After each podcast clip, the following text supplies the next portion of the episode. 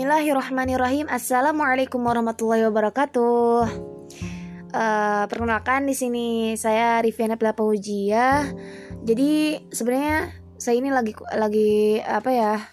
Lagi libur kuliah dan ingin mencoba satu aplikasi yang luar biasa katanya. Jadi semacam kita belajar untuk menjadi penyiar radio atau belajar uh, berbicara gitu ya. Nah, oke. Okay untuk di sini saya ingin berbincang bersama teman-teman perihal uh, muslimah. Karena kenapa saya mengambil tema ini? Karena saya juga di sini sedang uh, berstatus sebagai muslimah tentunya dan teman-teman juga semua gitu. Kalaupun misalnya yang mendengarkannya ikhwan, bisa nanti disampaikan kepada uh, saudaranya yang uh, akhwat dan atau misalnya pacarnya dan uh, ibunya dan yang lainnya dah terserah deh. Oke. Tema pertama yang ingin saya sampaikan gengs yaitu tentang terim apa ya tentang menerima kenyataan. Yaps. Kadang ada pertanyaan kenapa nasib selalu disalahkan? Karena kan kalau misalnya kenyataan uh, perihal menerima kenyataan pasti uh, apa sih sangkut pautnya atau berhubungan dengan nasib. Maka saya di sini bertanya, kenapa nasib selalu disalahkan? Oke, mungkin ada yang bilang kenyataannya memang begitu. Mau gimana lagi? Itu nasib yang salah. Oke, tidak bisa dipungkiri pasti ada yang berpikiran seperti itu. Dan kalimat-kalimat yang tadi dikatakan itu memang sering terdengar di telinga kita. Kadang saat misalnya kita ditimpa masalah yang sangat besar atau luar biasa, kita tiba-tiba tanpa sadar bilang nasib nasib. Sadar nggak? Terus uh, pertanyaannya apa benar jika nasib itu sudah ditentukan oleh Allah? Misalnya saat kita sukses apakah kita juga berkata beruntung nasibku lagi baik? Nah sadar sadar juga nggak jadi secara tidak langsung kita refleks, kita pernah mengeluh akan nasib kita dan sebagainya. Nah, yang perlu kita uh, ketahui gengs atau misalnya ini hanya pengingat saja ya untuk teman-teman bahwasanya menerima kenyataan yang tidak sesuai dengan keinginan memang pahit. Jelas ya.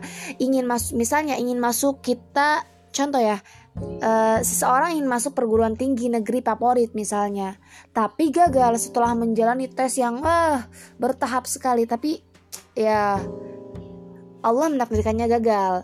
Terus misalnya kita ingin jadi pegawai negeri tapi takdir berkehendak lain. Contoh lagi maunya menang lomba tapi ternyata kalah padahal kita sudah berusaha sekuat sekuat tenaga kita semaksimal mungkin. Oke, jadi begini gengs, muslimah itu harus yakin bahwa setiap ujian yang diberikan oleh Allah itu apa cing?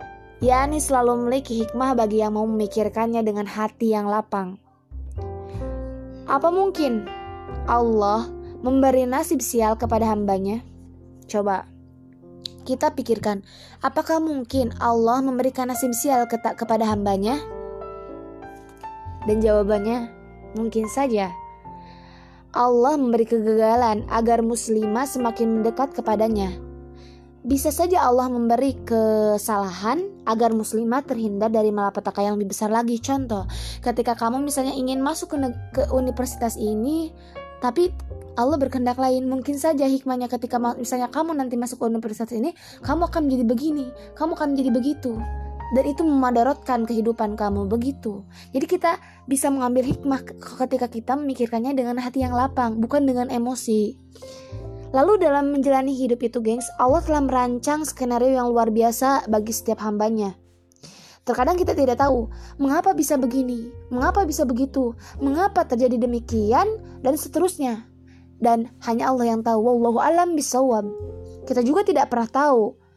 Misalnya sejak dalam kandungan dilahirkan dengan jenis kelamin laki-laki atau perempuan kah kita kan tidak tahu. Kita juga tidak bisa memilih bagaimana warna kulit kita saat dilahirkan misalnya saya pengen putih saya pengen ke sawo matang saya pengen kuning langsat dan sebagainya itu tidak bisa tapi Allah yang mengaturnya semuanya Allah yang mengatur oke dan teman eh, teman-teman, kembali kepada prasangka kita, bila menganggap bahwa kenyataan yang menimpa sebagai nasib jelek, itulah yang akan terjadi dalam hidup kita. Ini perihal uh, bagaimana cara berpikir kita.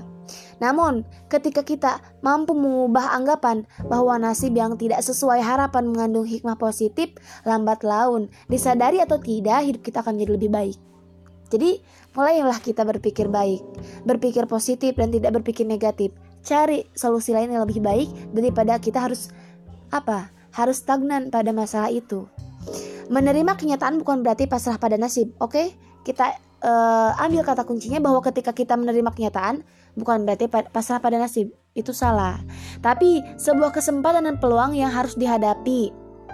Layaknya murid yang menjalani kenaikan tingkat di sekolah, pasti ada ujiannya tentu kan?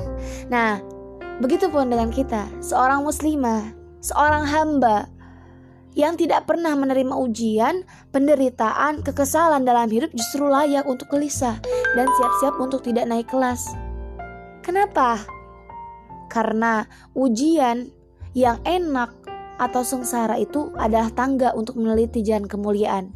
Dalam Al-Quran diterangkan dalam Quran surat Al-Baqarah 155 yang arti, 155 yang artinya dan sungguh akan kami berikan cobaan kepadamu dengan sedikit ketakutan, kelaparan, kekurangan harta jiwa dan buah-buahan dan berikanlah berita gembira kepada orang-orang yang sabar.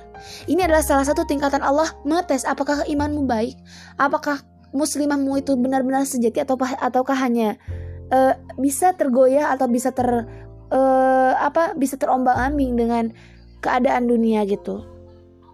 Maka saya di sini meminjam salah satu perkataan dari Raja George kelima, Raja George kelima yang mana ia ia berkata bahwasanya ajarilah agar saya tidak merindukan bulan atau menangisi susu yang telah tumpah. Jadi, ketika misalnya kita ditimpa masalah, bukannya kita menyalahkan takdir, bahkan menya, bukannya kita menyalahkan nasib atau takdir, bahkan kita jangan sampai menyalahkan yang menciptakan takdir. Tapi terimalah terimalah kenyataan dengan cara mengubahnya menjadi hikmah yang me, mengubahnya menjadi sesuatu yang memberikan hikmah positif kepada kita semua.